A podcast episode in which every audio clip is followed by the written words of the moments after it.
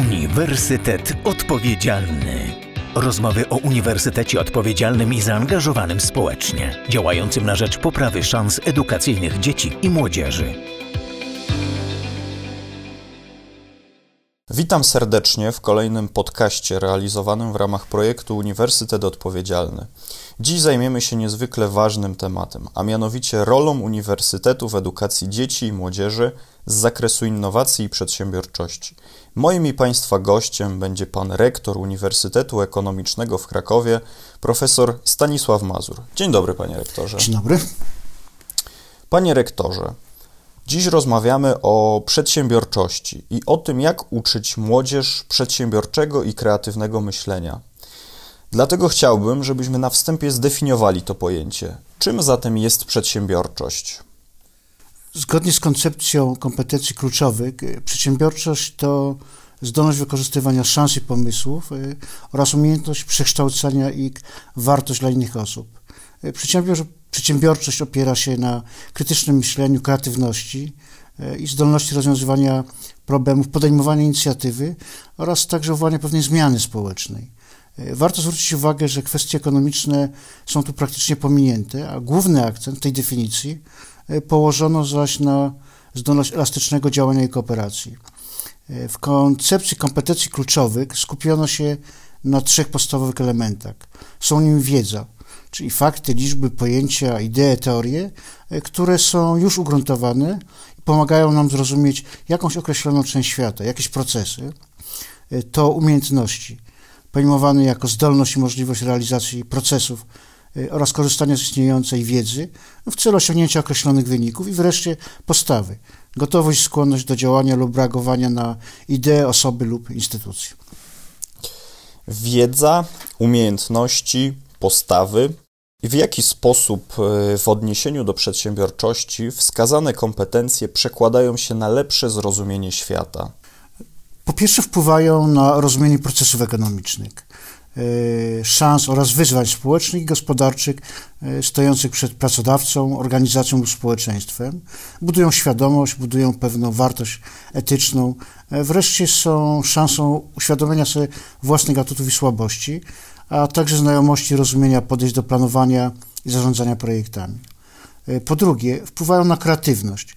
Kreatywność pojmowano jako wyobraźnia, myślenie strategiczne, zdolność szukania nieszablonowych rozwiązań, czy wreszcie kwestia tak pracy, umiejętność pracy samodzielnej, jak i zdolność do pracy zespołowej, bo w formule pracy zespołowej potrafimy integrować zasoby, łączyć kompetencje, po prostu potrafimy osiągnąć dużo więcej. I wreszcie po trzecie, wpływają na zmysł, inicjatywy i poczucie sprawczości, proaktywność, otwartość na przyszłość, odwagę i wytrwałość w dążeniu do celu.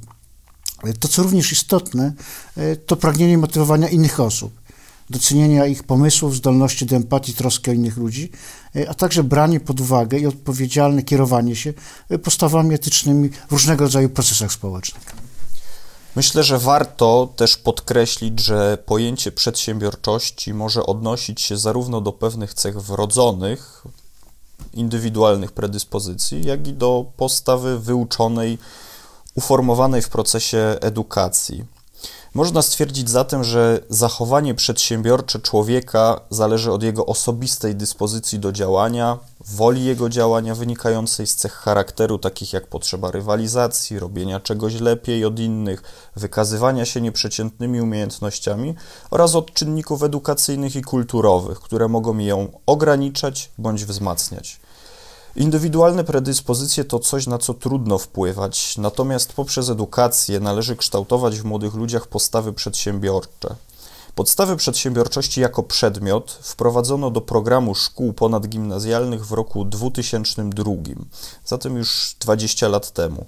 E, przedmiot ten, według założeń, stanowi syntezę elementów wiedzy z zakresu ekonomii, zarządzania i finansów, geografii społecznej, politologii, socjologii, psychologii oraz prawa. W aktualnej podstawie programowej tego przedmiotu określono ogólne cele kształcenia w zakresie wyposażenia uczniów w wiedzę oraz kształtowania umiejętności i postawy zgodnie z koncepcją kompetencji kluczowych. Wszystko jest ujęte w cztery bloki tematyczne dotyczące funkcjonowania gospodarki rynkowej, rynku finansowego, rynku pracy oraz przedsiębiorstwa. W wymaganiach szczegółowych położono natomiast nacisk na identyfikację zjawisk i dostrzeganie prawidłowości. Dyskusje także na trudne i kontrowersyjne tematy, analizowanie i interpretowanie zebranych informacji, ocenianie i dostrzeganie równych, różnych aspektów analizowanych zjawisk ekonomicznych w celu kształtowania człowieka myślącego, nie poddającego się manipulacyjnym przekazom z mediów, ideologicznym interpretacjom, fake newsom zdolnego do merytorycznej dyskusji. W sferze założeń brzmi to rozsądnie, natomiast jeśli przyjrzymy się badaniom przeprowadzonym przez Narodowy Bank Polski, i opublikowanym w raporcie pod tytułem Diagnoza stanu wiedzy i świadomości ekonomicznej dzieci i młodzieży w Polsce, to możemy zaobserwować, że uczniowie szkół średnich uznają nabywanie wiedzy ekonomicznej za bardzo przy, potrzebne w życiu, bardzo przydatne.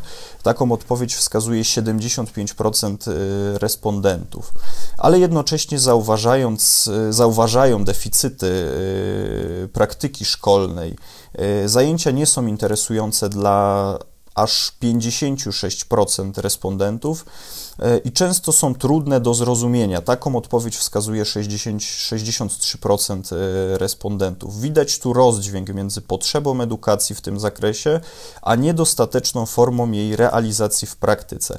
Panie rektorze, gdzie w takim razie tkwi problem? Z pewnością należałoby wskazać na dominujące w dalszym ciągu e, w praktyce szkolnej kształcenie nastawione na przekazywanie utrwalania wiedzy, e, zasadniczo stosunkowo bierną rolę ucznia, a tym samym nie sprzyja to niezależności poznawczej e, oraz utrudnia rozwijanie samodzielnego myślenia i nabywanie bardziej złożonych umiejętności przez uczniów. E, nowa podstawa programowa silnie akcentuje wykorzystanie metody projektu. W dalszym jednak ciągu brakuje odpowiednio przygotowanych nauczycieli do kształcenia w tej bardzo trudnej i wymagającej formule edukacyjnej. Nauczyciele wszystkich podmiotów w różnych typach szkół przeważnie stosują nieskuteczne metody poznawcze. Unikają tego sposobu kształcenia, który premiuje samodzielność i kreatywność uczniów.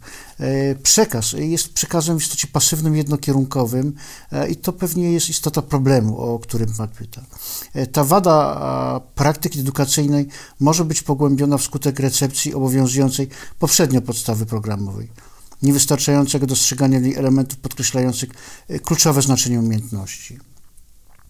E, główny deficyt edukacji, zwłaszcza formalnej, przejawia się w zdominowaniu jej przez treści szczegółowe oraz egzekwowaniu od uczniów stosunkowo prostych i zrutynizowanych umiejętności.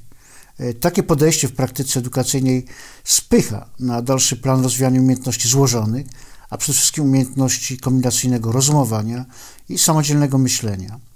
Równie niebezpieczne wydaje się także założenie, że umiejętności złożone powinny być kształtowane na etapie edukacji początkowej. Wyzwaniem jest wzmocnienie tego, z czym dziecko przychodzi do szkoły, a także wykorzystanie podczas edukacji tego, z czym uczniowie obcują poza szkołą, jak wynika z badań Instytutu Badań Edukacyjnych, w dalszym ciągu zbyt mało w edukacji formalnej eksponowane są walory e, indywidualnego, zorientowanego na kreatywność uczenia się, natomiast na zbyt wielką wagę przykłada się do przekazywania uczniom bardzo prostych, schematycznych e, e, umiejętności i wiedzy, która w istocie w ograniczonym stopniu poszerza ich zdolność do rozumienia coraz bardziej złożonego świata. To, co również istotne, to to, że E, tym procesom kształcenia uczniów towarzyszy relatywnie słabo rozbudowany system kreatywnego kształcenia nauczycieli. Jeżeli te dwa procesy nie spotkają się w czasie, no to efekt edukacyjny z pewnością będzie znacząco słabszy. E, system egzaminacyjny tej pory także w zbyt dużym stopniu nastawiony był na sprawdzanie wiedzy, umiejętności prostych, mówiliśmy o tym. Zawierało się w nim również dosyć ubogi zestaw form zadań. W większości badają one najbardziej e, oczywiste kompetencje. E, brak jest jednak tego rodzaju kryteriów w systemie edukacji, które premiowałoby umiejętność myślenie e, kombinacyjne, myślenie twórcze. Dodatkowym bodźcem dla tworzenia postaw premiujących kreatywność może być pojawienie się podczas badania PISA 2021 modułu badającego twórcze myślenie rozwiązywanie ćwiczeń w sposób nieszablonowy, w sposób kreatywny, z pewnością z czymś, co należy propagować e, i należy upowszechniać. To dobra droga do budowania e, kreatywnego, kreatywnych kompetencji naszych uczniów. W podstawie programowej, na to chciałbym także zwrócić uwagę, nie do sprecyzowano katalogu metod, które mają być stosowane w ramach nauczania podstaw przedsiębiorczości. Podkreśla się jedynie szczególną rolę ćwiczeń terenowych w przedsiębiorstwie, konieczność kształtowania umiejętności czytania fragmentów aktów prawnych oraz rozumienia roli etyki w życiu społeczno-gospodarczym. To z pewnością ważne kategorie, ale zdaje się być dalece zbyt ogólnie wyrażone. Zgadza się, panie rektorze. E, co w takim razie zrobić, żeby poprawić ten e, stan rzeczy? Jak sprawić, żeby nauczanie przedsiębiorczości w polskich szkołach stało się bardziej efektywne? I jaka jest rola uczelni wyższych w tym względzie? Ten proces, jeśli ma być efektywny i jeśli chcemy kształtować generację kolejnych wykształconych, kreatywnych i wrażliwych uczniów, no, musi być oparty o parę założeń. Pierwsze to jest bardzo ścisłe e, współpraca między różnymi podmiotami systemu kształcenia. Rodzice, szkoły, organizacje społeczne to jest pewien ekosystem, który tworzy wyjątkowe okoliczności, czy wyjątkowo sprzyjające uwarunkowania do budowania kreatywności. E, to jest wreszcie kwestia zdolności e, wprowadzenia bardzo innowacyjnych metod kształcenia, innowacyjnych w rozumieniu wykorzystania pewnych predyspozycji, pewnych cech osobowych, cech kulturowych uczniów, którzy trafiają do naszych szkół. E, jakby rozbudowywanie, wzmacnianie tych pozytywnych tendencji, to istotna rola tego systemu. Wreszcie kolejny bardzo ważny element to kwestia dotycząca partnerstwa partnerstwa rozumianego jako łączenie bardzo różnych światów, świata uniwersytetu, świata biznesu, świata szkoły, bo na styku rozbieżnych poglądów, wizji, wartości rodzą się wartościowe postawy, rodzą się wartościowe emocje. Rodzi się coś, co pozwala po prostu tworzyć lepszy świat. To szalenie istotne.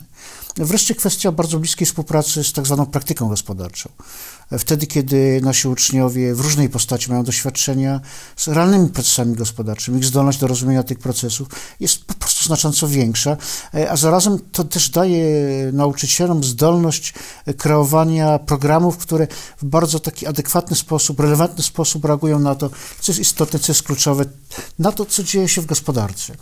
No, wreszcie chciałbym również wspomnieć o tym, że warto byłoby odejść od pewnego pasywnego sposobu przekazywania treści edukacyjnych.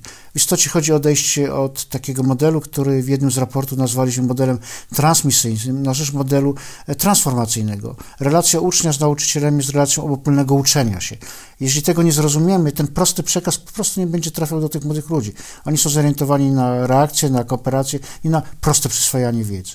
No i wreszcie kwestia dotycząca premiowania tych uczniów, e, którzy są gotowi podejmować bardzo śmiałe e, przedsięwzięcia edukacyjne, którzy są w stanie wyrażać własne opinie i którzy są w stanie również być swoistego rodzaju partnerem dla ucznia w poszukiwaniu lepszych, bardziej skutecznych form kształcenia. No i wreszcie rzecz, o której nie sposób nie wspomnieć, systemy egzaminacyjne egzaminy oparte o proste, powtarzalne testy w istocie rzeczy są albo loterią, albo są grą systemem.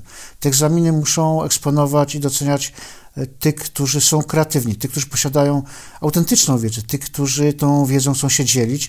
Innymi słowy, chodziłoby o przemodelowanie systemu egzaminacyjnego z prostego, formalnego, w istocie archaicznego w kierunku takiego rozwiązania, który wyławiałby, a zarazem gratyfikował w sensie pozytywnym wszystkie te wyjątkowe umiejętności, którzy, których uczniowie nabyli w procesie e, edukacyjnym. No i wreszcie z perspektywy pewnie nauczycieli, wtedy kiedy mówimy o nauczaniu podstaw przedsiębiorczości, warto byłoby poszerzyć katalog tych narzędzi, które mają być stosowane i pewnie lepiej zoperacjonalizować. To w sensie metodycznym pozwoliłoby pewnie nauczycielom lepiej przygotować się do prowadzenia tego przedmiotu.